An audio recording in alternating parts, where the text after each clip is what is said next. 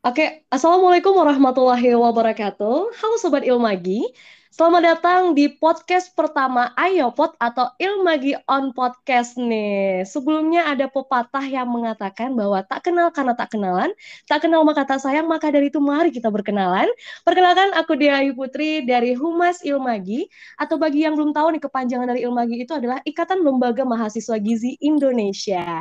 Nah, kali ini aku nge-podcast nggak sendiri nih. Aku bakal ditemenin dengan narasumber yang kece badai, yang pastinya bakal nemenin kita hingga akhir podcast nanti dan bakal memberikan ilmu yang sangat-sangat luar biasa ya pastinya. Tentunya yang uh, pastinya berkaitan dengan tema kita hari ini. Nah, halo Kare. Halo teman-teman, aku Rehan dari Sekretaris Jenderal Ilmagi. Salam kenal semuanya. Oke, salam kenal Karehan. Nah, jadi uh, kali ini kita dengan Karehan yaitu adalah Sekretaris Jenderal Ilmagi tahun 2021-2022 nih. Yang pastinya uh, untuk narasumber kita pada malam hari ini tuh sangat relate ya uh, terhadap tema yang kita bahas uh, pada hari ini gitu ya, Karya. Yo. Relate sebenarnya sebenarnya relate mah enggak ya. Mungkin aku bisa sedikit sharing-sharing mungkin ya apa yang aku tahu terkait tema yang kita angkat kayak gitu. Oke, bener banget. Jadi mungkin uh, sebelumnya aku spill dulu kali ya, uh, teman-teman kan pasti pada uh, skepo di apa sih tema dan judul dari podcast kita pada malam hari ini. Jadi untuk tema kita pada hari ini itu adalah Hari Diabetes Nasional dan judulnya itu sangat relate untuk kita semua adalah anak kos anti diabetes.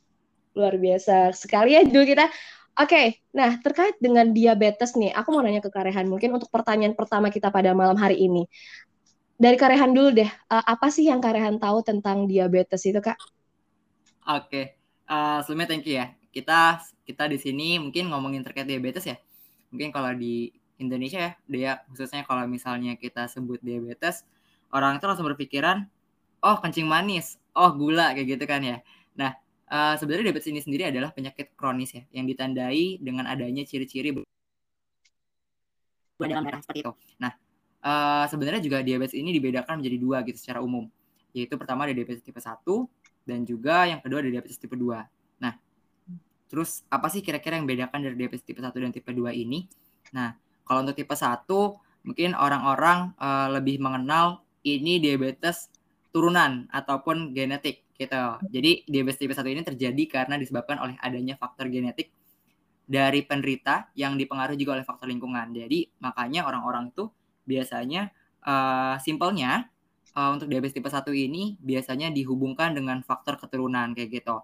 Nah, sedangkan untuk diabetes tipe 2 simpelnya adalah merupakan jenis diabetes yang mungkin lebih sering terjadi gitu. Lebih sering kita temuin di kehidupan kita gitu. Orang-orang penderita diabetes itu mayoritas tipe 2 gitu. Bahkan di dunia kalau aku baca-baca itu 90 sampai 95% penderita diabetes di dunia itu merupakan penderita penderita diabetes tipe 2 kayak gitu. Nah, 5 persennya adalah diabetes tipe 1. Nah, diabetes ini uh, itu disebabkan oleh adanya sel-sel tubuh yang menjadi kurang sensitif terhadap insulin. Jadi uh, sehingga insulin yang dihasilkan oleh uh, sel-sel di tubuh ini tidak dapat diserap atau digunakan dengan baik ya.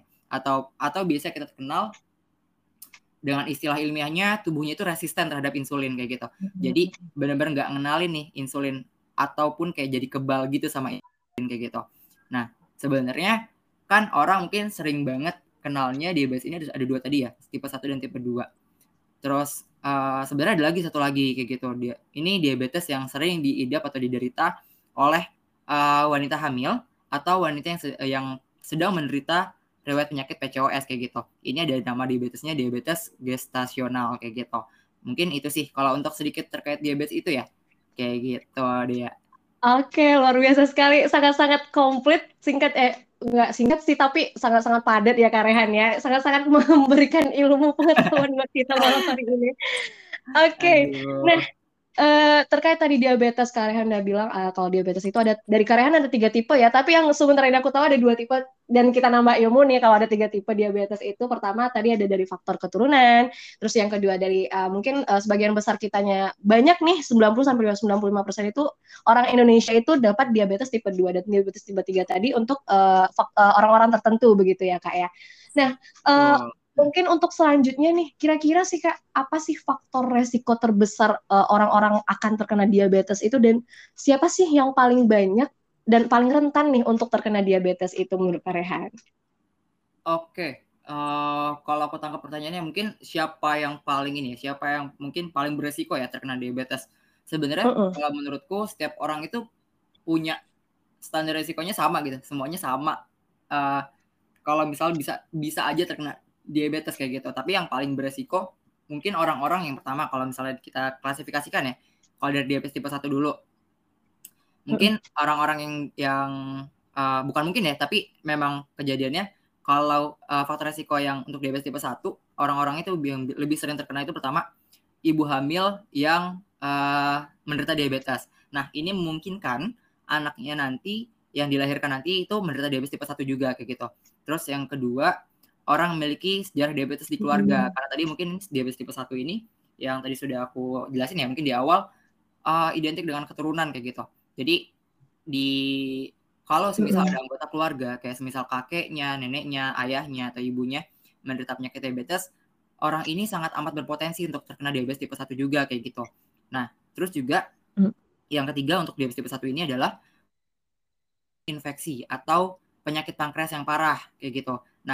Kenapa kayak gitu? Karena penyakit ini dapat memperlambat tubuh untuk meningkatkan produksi insulin sehingga uh, otomatis nih secara otomatis resiko diabetes pun juga meningkat kayak gitu. Itu untuk kalau dari kita spesifik diabetes tipe 1 ya. Sedangkan kalau untuk tipe 2 itu orang lebih mudah terkena diabetes tipe 2 ini kalau semisal orang tersebut yang pertama dia nggak punya pola makan yang sehat kayak gitu kan biasanya banyak banget orang kayak hmm. Asal makan ya asal makan. Kayak apa aja yang dia yang penting dia suka yang penting perutnya seneng gitu kan. Itu paling sering paling sering kita temuin gak sih? Kayak gitu. Yang penting perutnya seneng yang paling yang penting dia enjoy untuk makan sehingga bisa naikin mood kayak gitu. Terus itu bisa uh, terkena diabetes karena tadi uh, yang dia makan nggak terkontrol kayak gitu. Terus yang kedua pola hidupnya tidak sehat. Nah, orang-orang di sini yang yang punya uh, contohnya kayak yang punya sedentary lifestyle ataupun yang uh, bisa dibilang orang-orang yang punya uh, sifat mager-mageran, malas-malesan gitu, yang kerjanya cuman tidur-tiduran, duduk-duduk aja kayak gitu.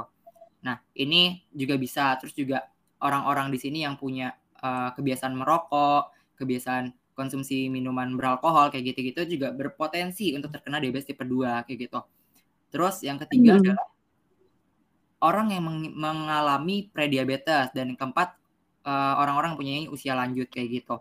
Mungkin itu kalau untuk uh, dari diabetes tipe 1 dan tipe 2. Kayak gitu sih oh. dia.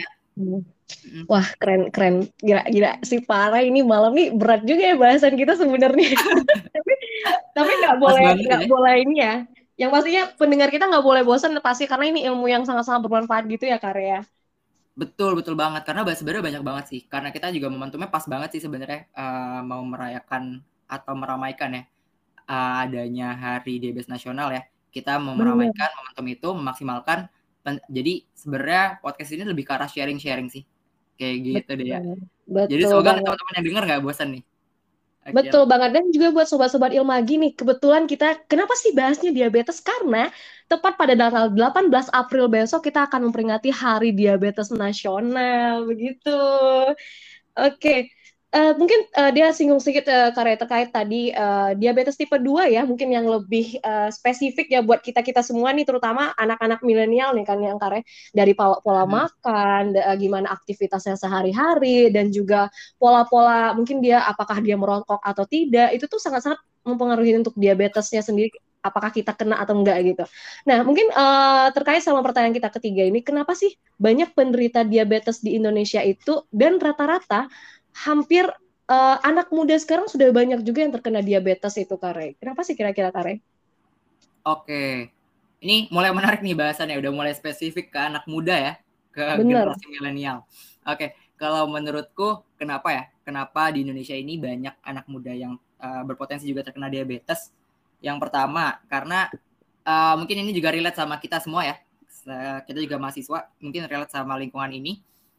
Uh, di mana biasanya anak-anak muda itu sekarang-sekarang ini punya apalagi di masa pandemi ini ya punya kebiasaan tadi mungkin aku udah singgung ya punya sedentary lifestyle yang cuman uh, seharian mungkin kalau yang masih off uh, masih online ya ya yep. kerja cuma duduk terus uh, mungkin jarang fisik rebahan kayak gitu apalagi sekarang lagi puasa kan ya lagi puasa orang habis subuh biasanya tidur baru bangun siang terus langsung.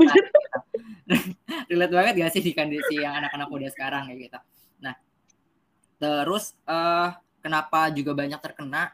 Terus juga kalau misal dilihat dari sebelum bulan puasa juga mungkin kalau anak-anak muda ini uh, suka nongkrong gak sih? Kita suka um, suka banget untuk nongkrong. Terus juga kita juga suka konsumsi makanan-makanan manis yang uh, biasanya alasannya supaya nggak stres. Eh, lagi stres nih pingin makan makanan yang manis supaya atau ataupun makan makanan yang meningkatkan mood dia gitu. Benar. Uh, yang manis-manis kayak gitu. Supaya nggak stres gitu selama uh, misalnya ngerjain tugas ataupun apa pun itu. Kayak gitu-gitu. Terus juga karena suka nongkrong biasanya ya kan kalau anak muda biasa nongkrongnya kalau sekarang di coffee shop ya. Trennya di coffee mm -hmm. shop. Terus juga mungkin kalau misalnya nggak nongkrong pun uh, misal di kosan ataupun di rumah kita punya akses uh, apa ya namanya? Kayak bisa order makanan gitu bisa order makanan lewat aplikasi-aplikasi yang sekarang sedang menjamur ya dan banyak banget yeah. promo-promonya. Terus juga itu itu juga bisa salah satu yang bisa memacu anak muda terkena diabetes ya karena tadi kita punya uh, apa ya punya kemampuan digitalisasi bisa memanfaatkan gadget dan teknologi secara maksimal ya jadi kita bisa menggunakan promo-promo dan sedangkan biasanya promo-promo itu yang fast food yang yes. ya, biasanya minuman-minuman manis kayak boba gitu-gitu ya boba kopi-kopian kayak gitu. Terus dessert box gitu itu paling sering ditemuin. Nah kayak gitu. Nah, terus juga apalagi kalau semisal murah, kalau misalnya uh, anak-anak muda, kalau murah tertarik nggak sih? Kayak eh tak kapan lagi nih misal uh, boba diskon yang tadi empat puluh ribu jadi cuma lima belas ribu atau dua puluh ribu gitu, kapan lagi? Akhirnya beli kayak gitu. Kayak gitu sih, itu yang uh, karena suka nongkrong, karena suka dengan kepentingan karena kesempatan ya sih. Betul, karena kesempatan dan juga senang aja kan anak-anak muda kayak jalan-jalan ke mana, jajan-jajan demi kepentingan konten Instra Instagram ya. Kalau sekarang anak-anak muda, bener banget. Instagram, uh, akhirnya mereka tuh suka banget untuk jalan-jalan, uh, explore makan makanan, terus uh, di snapgramin kayak gitu. Apalagi yang lagi viral-viral biasanya, gitu. Dan biasanya yang viral-viral itu yang manis-manis, kayak gitu gitulah. Nah itu sih jadi kalau menurutku uh, jadi faktor kenapa anak muda juga sangat amat beresiko nih di Indonesia khususnya untuk terkena uh, penyakit diabetes kayak gitu. Gitu dia. Oke, nah jadi bener-bener uh, konkret gitu ya kak, karena kenapa anak muda? Karena memang ya banyak nih anak muda yang katanya healing, healing ya, yeah. dengan eh, dengan bahasa keren, dengan ya.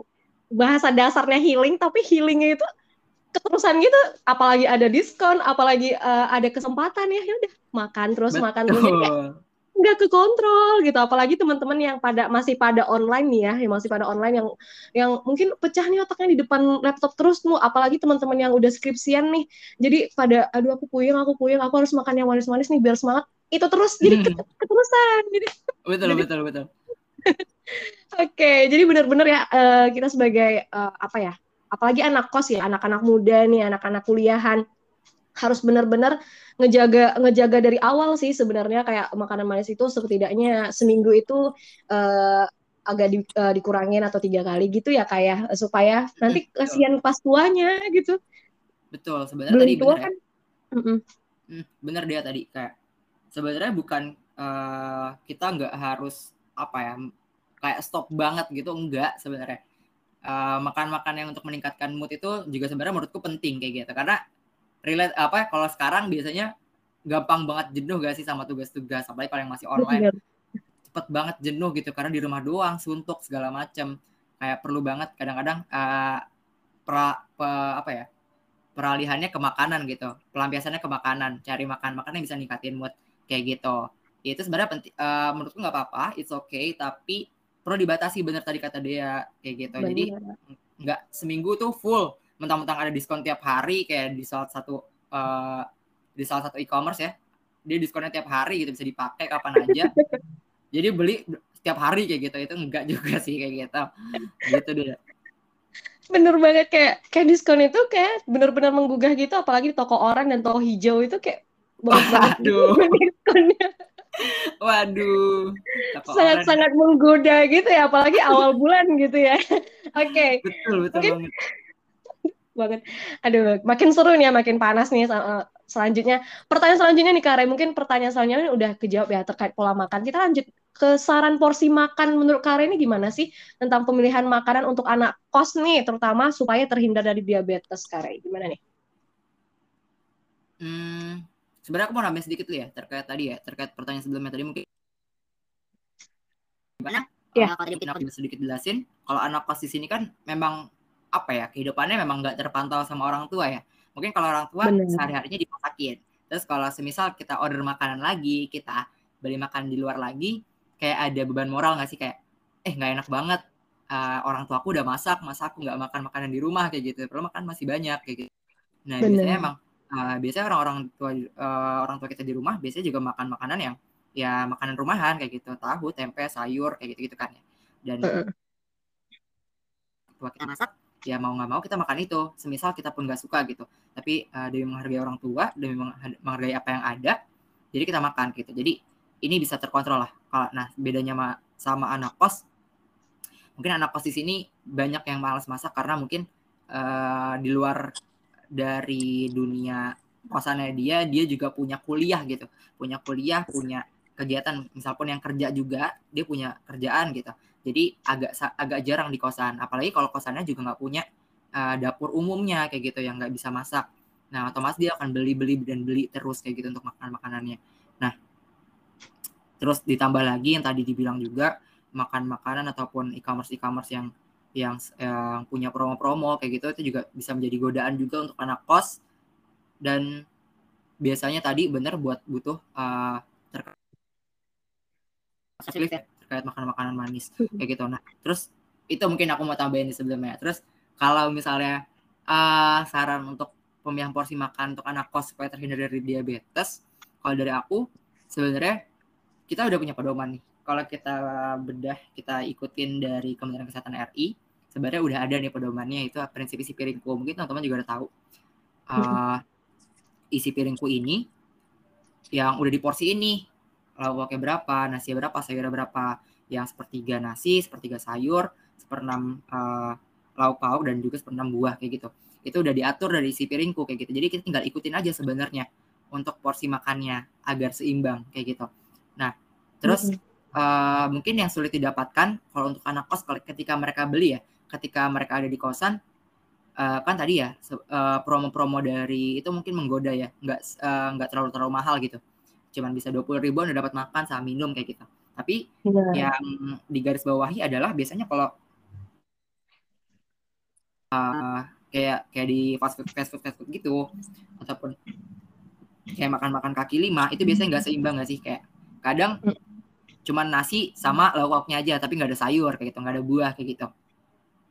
Nah uh, sebenarnya itu yang jadi tantangan. Gimana? Di sini peran warteg sih. Kayaknya warteg sangat amat uh, berperan. Iya berperan. Untuk teman-teman yang kos, apalagi yang ingin menghentikan masalah gizi dan masalah kesehatannya. Kayak warteg di sini yang bisa jadi uh, an solusi ya, bisa jadi solusi, solusi. kalau uh, nggak punya nggak punya nggak uh, punya waktu untuk masak, nggak punya mungkin nggak bisa masak juga mungkin ya. Uh, itu bisa jadi solusi.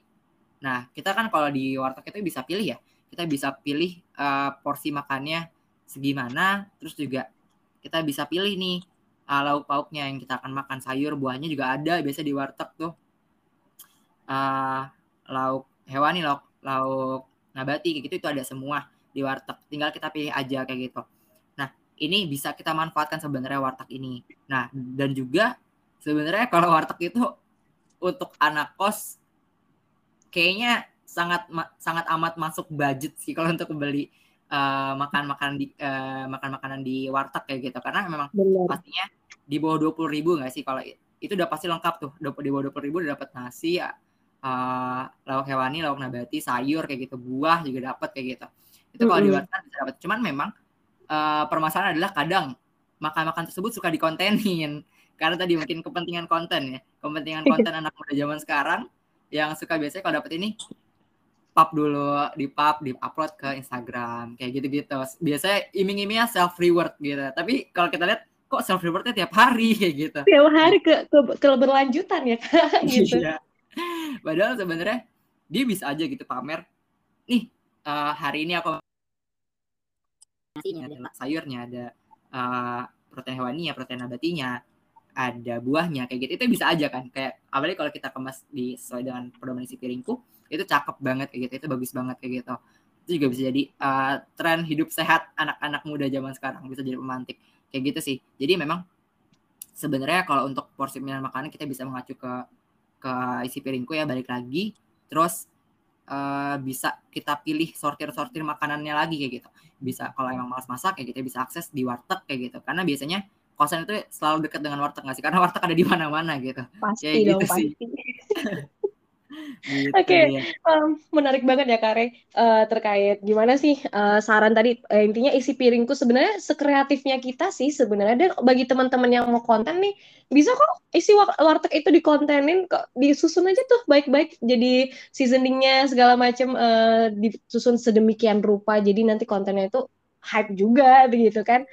Oke, okay, karena terkait terkait uh, sekarang kan lagi bulan puasa juga nih, uh, lagi kita lagi menjalankan ibadah puasa di bulan suci Ramadan. Nah, ada nih istilah yang kita sering uh, dengar nih ya Kare bahwa berbukalah dengan yang manis-manis. Nah, menurut kalian apakah pernyataan itu benar? Kalau ya benar, kenapa gitu?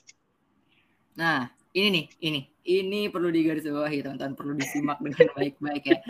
Uh, sebenarnya ini aku mau meluruskan ya ini juga sebenarnya banyak banget nih sekarang akhir-akhir ini udah banyak dari akun-akun uh, kesehatan yang emang mempropagandakan atau mengkampanyekan terkait slogan ini sebenarnya keliru. Nah, dari awal udah, udah ketahuan nih, keliru gitu. Berbuka dengan yang manis gitu kan. Sebenarnya pernyataan ini sebenarnya berasal dari salah satu brand. Kalau nggak salah tahun 2006, salah satu brand minuman kemasan di beberapa tahun lalu.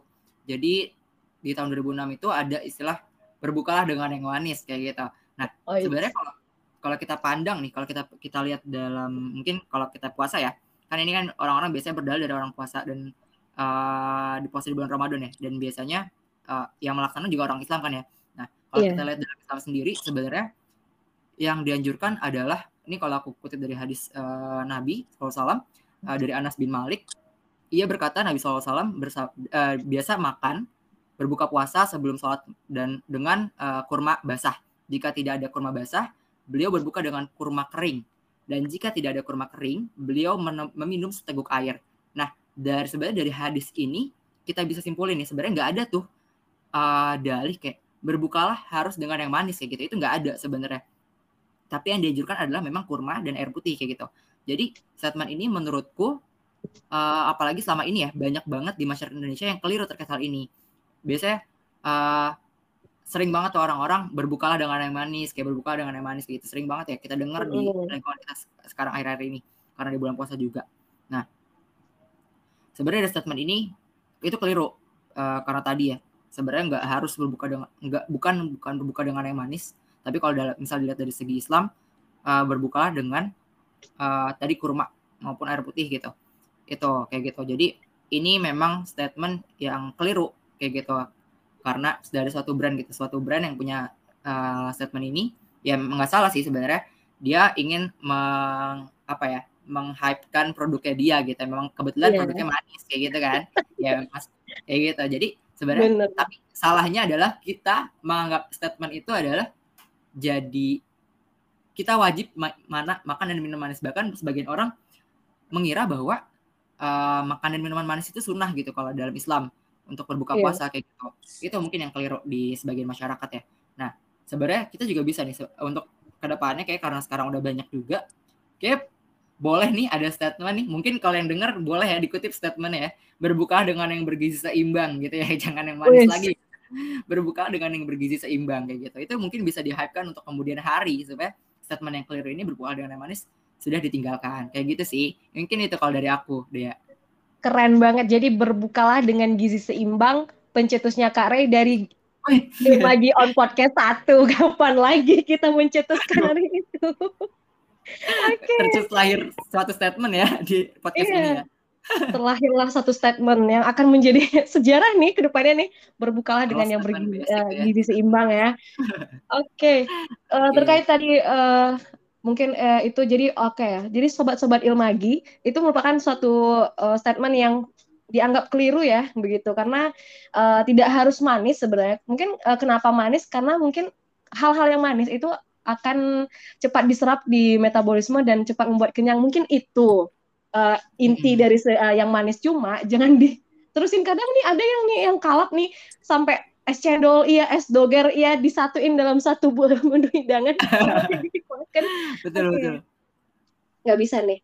Oke, okay, Kak terkait uh, tentang tadi uh, berbuka dengan yang manis-manis, berbuka uh, terkait uh, bulan Ramadan juga. Nah, bagaimana sih cara mempertahankan kadar gula darah di bulan puasa ini, Kak Yang mana kan kita takjilnya rata-rata teman-teman nih pada yang pasti man, ada hal yang manis-manis nih, uh, Kak Jadi gimana sih cara kita mempertahankan gula darah uh, hingga normal terus nih, uh, Kak Oke. Okay kalau untuk gimana cara yang mempertahankan kadar gula darah ya selama di bulan puasa agar terhindar juga dari diabetes uh, khususnya sebenarnya kan kita biasanya bener sih tadi yang dibilang dia tadi kalau misalnya kita temui ya di di kehidupan kita sehari-hari biasanya kita buka dalam lingkup keluarga pun biasanya disediainnya kolak kacang hijau hmm. terus juga uh, teh manis teh buka tuh dan kadang manisnya manis banget gitu kan terus karena ya itu mungkin ya karena statement tadi juga ya uh, penggiringan opini dari statement tadi uh, terus juga gorengan segala macam kayak gitu itu biasanya kita temui di takjil-takjil di bulan puasa.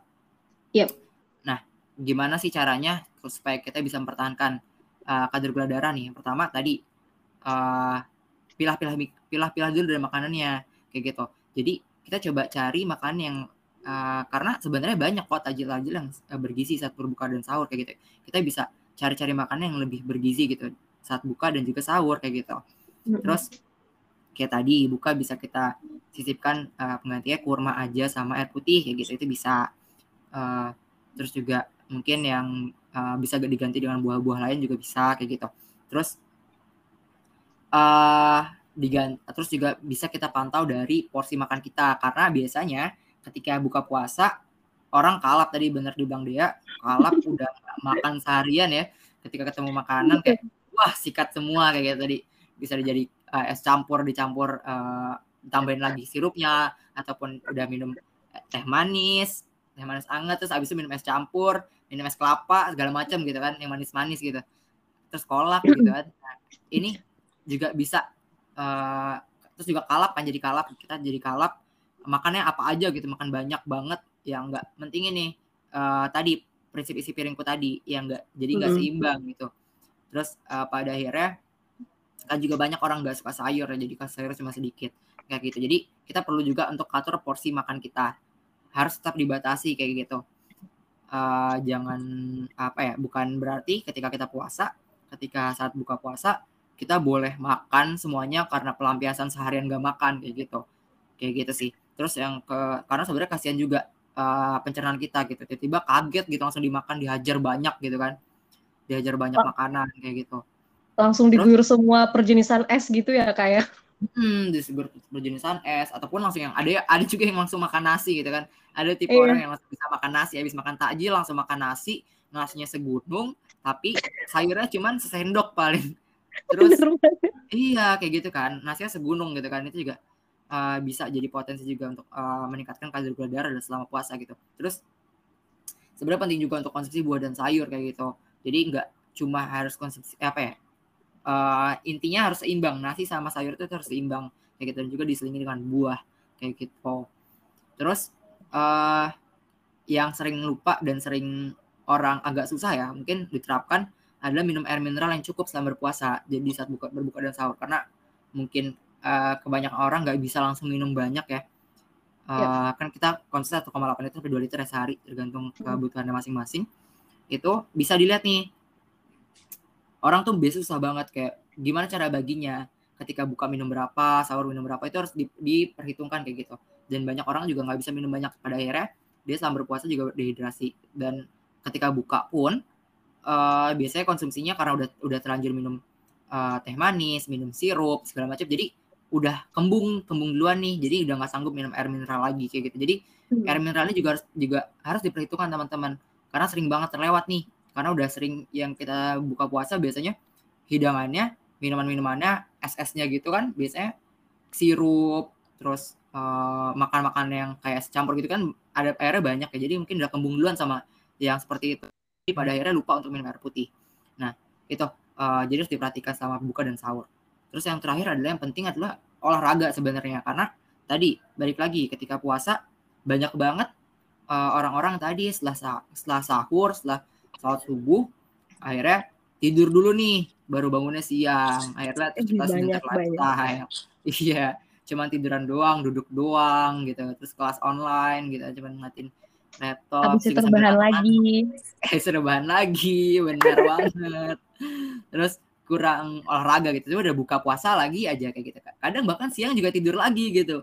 Karena iya. banyak orang uh, berpendapat daripada aus kan ya daripada mending kan mending tidur puasa kan Iya, puasa kan menahan hawa nafsu ya. Uh, hawa, hawa nafsu baik itu makan minum ataupun ataupun hawa nafsu gitu. Nafsu pandangan segala macamnya. Jadi daripada dia yang lihat yang enggak enggak ataupun uh, baca-baca yang enggak enggak mending dia tidur gitu. Itu alasan alasan klasik orang-orang selama berpuasa biasanya darinya kenapa mau tidur karena biar itu menghindari itu semua. Supaya pas bangun-bangun juga langsung buka kayak gitu. Iya. Hmm, Kayaknya kita juga pernah melakukan itu ya kak ya. Aduh, di spill dong. ya, iya dulu aku pernah kayak gitu juga. Setelah belajar, alhamdulillah ada perbaikan. Walaupun nggak signifikan sampai saat ini, bener-bener kayak produk seproduktif itu ya setiap harinya ada juga lah kayak cheat day-nya lah ya. Tidur tidur istirahat seharian gitu. Kayak gitu sih. Tapi harus penting banget sebenarnya untuk olahraga dan juga uh, beraktivitas produktif di waktu saat puasa kayak gitu sih. Kalau dari aku. Oh Iya. Oke, wah wah, ini ini ini sih sangat sangat komplit sekali ya uh, yang kita dapatkan informasi terkait uh, cara untuk menetralisirkan gula darah kita. Tadi itu jangan jangan kalian campurkan seluruh permanis-manisan di dalam satu dan dan jangan juga diguyur tuh langsung lambungnya dengan seluruh uh, per, uh, apa makanan-makanan yang kalian uh, asup di bulan puasa pastinya. Nah, terakhir nih Kare mungkin jadi pertanyaan sesi penutup dan closing statement juga mungkin dari dari Kare gimana sih apa uh, tips and trick uh, dari Kare dan saran dari Kare nih buat anak-anak kos supaya terhindar dari diabetes. Gimana nih Kak? Oke. Ya ampun udah, udah di akhir ya, udah, udah mau tutup. Iya, nggak terasa. Oke, kalau dari aku mungkin ya tipsnya buat teman-teman satu per, sa, uh, seperkosan, sepernasipan di kosan kayak gitu ya. Mungkin gimana caranya kita uh, teman-teman kos ini uh, bisa terhindar dari diabetes. Yang pertama, tadi mungkin udah banyak banget disinggung di awal ya. Uh, yang paling penting adalah dibatasi jajan-jajanan yang manis kayak gitu kayak dessert, boba, truffle gitu-gitunya ya dibatasi. Ya mungkin murah dan promonya sangat wah gitu kan kayak kapan lagi, Betul. kapan lagi. Betul. gitu. Terus juga self reward lah gitu, tapi kalau setiap hari kayaknya juga nggak baik juga gitu. Terus jadi penting banget untuk dibatasi pertama. Terus kalau makan juga lebih baik yang bergizi seimbang, bisa masak sendiri ataupun beli di warteg tadi ya. Uh, makan yang di warteg juga pun bisa bisa kok kita dapat makanan yang bergizi seimbang. Terus juga jangan sumpah, jangan lupa untuk sempatkan untuk berolahraga ya. Selama 30, 30 sampai 45 menit kayak gitu. Dan kalau lagi di bulan puasa, olahraga ini bisa dilakukan satu jam sebelum berbuka dan satu jam atau sorry atau satu jam setelah berbuka. Nah ini supaya guna mengurangi resiko kita dehidrasi karena memang kita kekurangan cairan ya selama berpuasa. Yeah. Uh, kalau kita paksa untuk olahraga kan banyak cairan juga yang keluar kayak gitu. Jadi untuk mengantisipasi hal tersebut uh, makanya olahraganya di satu jam sebelum berbuka atau satu jam setelah berbuka kayak gitu. Agar ketika kita uh, kalau sebelum berbuka setelah kita olahraga bisa langsung minum kayak gitu. Terus kalau satu jam setelah berbuka kita udah makan udah sempat makan dikit udah sempat minum air kita bisa dapat energi lagi nih buat olahraga kayak gitu sih Kayak gitu paling dari aku untuk teman-teman satu kosan. Oke, buat teman-teman super kosannya sobat-sobat Ilmagi semua nih. Itu iya, pesan dari Kare ini ya. Buat kita semua pastinya yang pastinya ini yang denger nih rata-rata pasti anak kosan semua nih Kare. Nih, untuk Kare gimana nih? Udah offline belum Kare nih? Kalau aku sebenarnya uh, udah kalau aku kan karena sekarang skripsi ya. Jadi iya. uh, gak nggak terlalu sering bolak-balik kampus kayak gitu. Jadi memang kalau cuman bimbingan-bimbingan aja sih baru ke kampus jadi kalau offline mah sudah offline tapi blended gitu loh masih campur online dan offline kayak gitu jadi kadang online kadang offline kayak okay. gitu kurang lebih sama ya kita gitu ya masih Iya. masih di pertengahan antara online ya. sama offline begitu. Nah, Oke, transisi. itu tadi dia Sobat Ilmagi, semua pesan-pesan dan juga informasi yang sangat-sangat sangat menarik ya malam ini atau hari ini yang kita bahas tentang diabetes. Tadi udah ada apa itu diabetes, faktor resiko, siapa yang paling beresiko terkena diabetes, pola makan yang salah itu gimana, pola makan yang benar itu gimana, terus apa aja sih statement yang keliru tadi dan juga ada saran. Nah, pastinya itu uh, menjadi ini ya poin penting buat anak-anak kos nih karena diabetes itu bukan penyakit yang main uh, bukan penyakit yang gampang atau penyakit yang bisa digampangin gitu ya karya karena ini penyakit yang benar-benar. Hmm. krusial sih ya menurutku ya gitu. Hmm, hmm, hmm. Oke, mungkin dari aku uh, ucapin makasih banyak buat Kare yang udah mau luangin waktunya untuk kita semua, terutama buat sobat-sobat Ilmagi nih yang udah uh, apa kasih kita kesempatan untuk podcast dan mereka dengerin nih pastinya ilmu-ilmu dari Kare ini terkhusus begitu. Terima kasih banyak Kare yang udah mau ngulangin waktunya. Oke, sama-sama. Oke juga. Mungkin bukan khusus buat Ilmagi ya, ini khusus buat semuanya yang dengar karena aku yakin yang dengar podcast ini tuh nggak cuma dari Ilmagi aja, tapi Benar. dari jurusan lain, bahkan mungkin dari teman-teman yang di luar negeri sana juga siapa tahu dengerin podcast kita kan. Nggak ada Iya, yang tahu. benar. Jadi semoga podcast yang bermanfaat buat teman-teman semua. Thank you juga dari teman-teman uh, Ayopod udah ngundang aku sebagai pembicara di podcast kali ini. Senang banget bisa diskusi sama teman-teman, sharing-sharing teman sama teman-teman. Thank you Oke. teman-teman Ayopod. Thank you kembali kakak. Jadi uh, mungkin buat sobat-sobat Ilmagi dan seluruh pendengar podcast Ayo Pod sesi pertama ini atau season pertama ini uh, jangan lupa stay tune ya untuk sesi-sesi selanjutnya atau season-season selanjutnya yang pastinya temanya dan judulnya bakalan uh, sangat-sangat menarik dan sangat-sangat bikin kalian semua kepo dan pastinya sangat-sangat menarik untuk didengarkan. Oke, mungkin itu saja yang bisa kita uh, sajikan pada malam hari ini untuk teman-teman semuanya. Uh, dari aku, Dea Ayu Putri, dan juga dari... Aku Rehan. Thank you udah dengerin teman-teman.